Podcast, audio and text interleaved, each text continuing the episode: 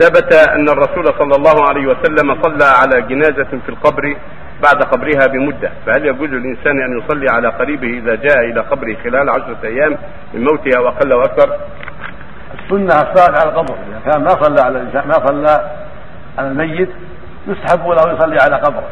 فقد ثبت عنه عليه الصلاة والسلام أنه ذكر له أن امرأة كانت تقوم المسجد كانت تكنس المسجد كانت امرأة سوداء تكنس المسجد.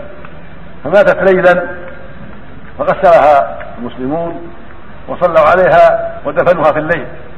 ولم يخبر النبي صلى الله عليه وسلم بذلك وكرهوا أن يوقظوه.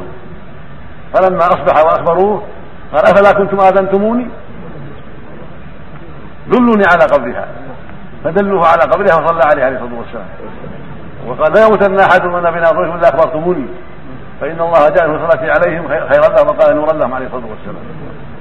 هذه السنة إذا كانت فاتت الصلاه على الميت يستحب اذا تيسر له انه يذهب فيصلي على القبر.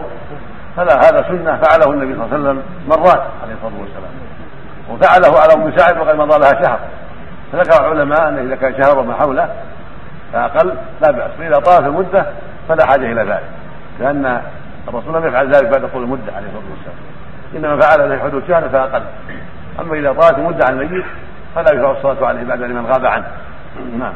لك بالنسبة للمسجد أي مسجد؟ مسجد الرسول ولا غيره؟ نعم. المسجد اللي كان تقومه مسجد الرسول صلى الله عليه وسلم. هل هو رجل أو امرأة؟ جاء في رواية انه خادم جاء في انه خادم امرأة سوداء. وجاء ولا مانع أن يكون خادم وخادم الجنه نعم. وهذا يدل على فضل قم المساجد تنظيف المساجد وأن قمها وتنظيفها من السنة. وقد أمر النبي صلى الله عليه وسلم بأن تبنى المساجد في الدور يعني في القبائل وأن تنظف وأن تطيب. وقال عليه الصلاة والسلام عرضت عليه أجور أمتي.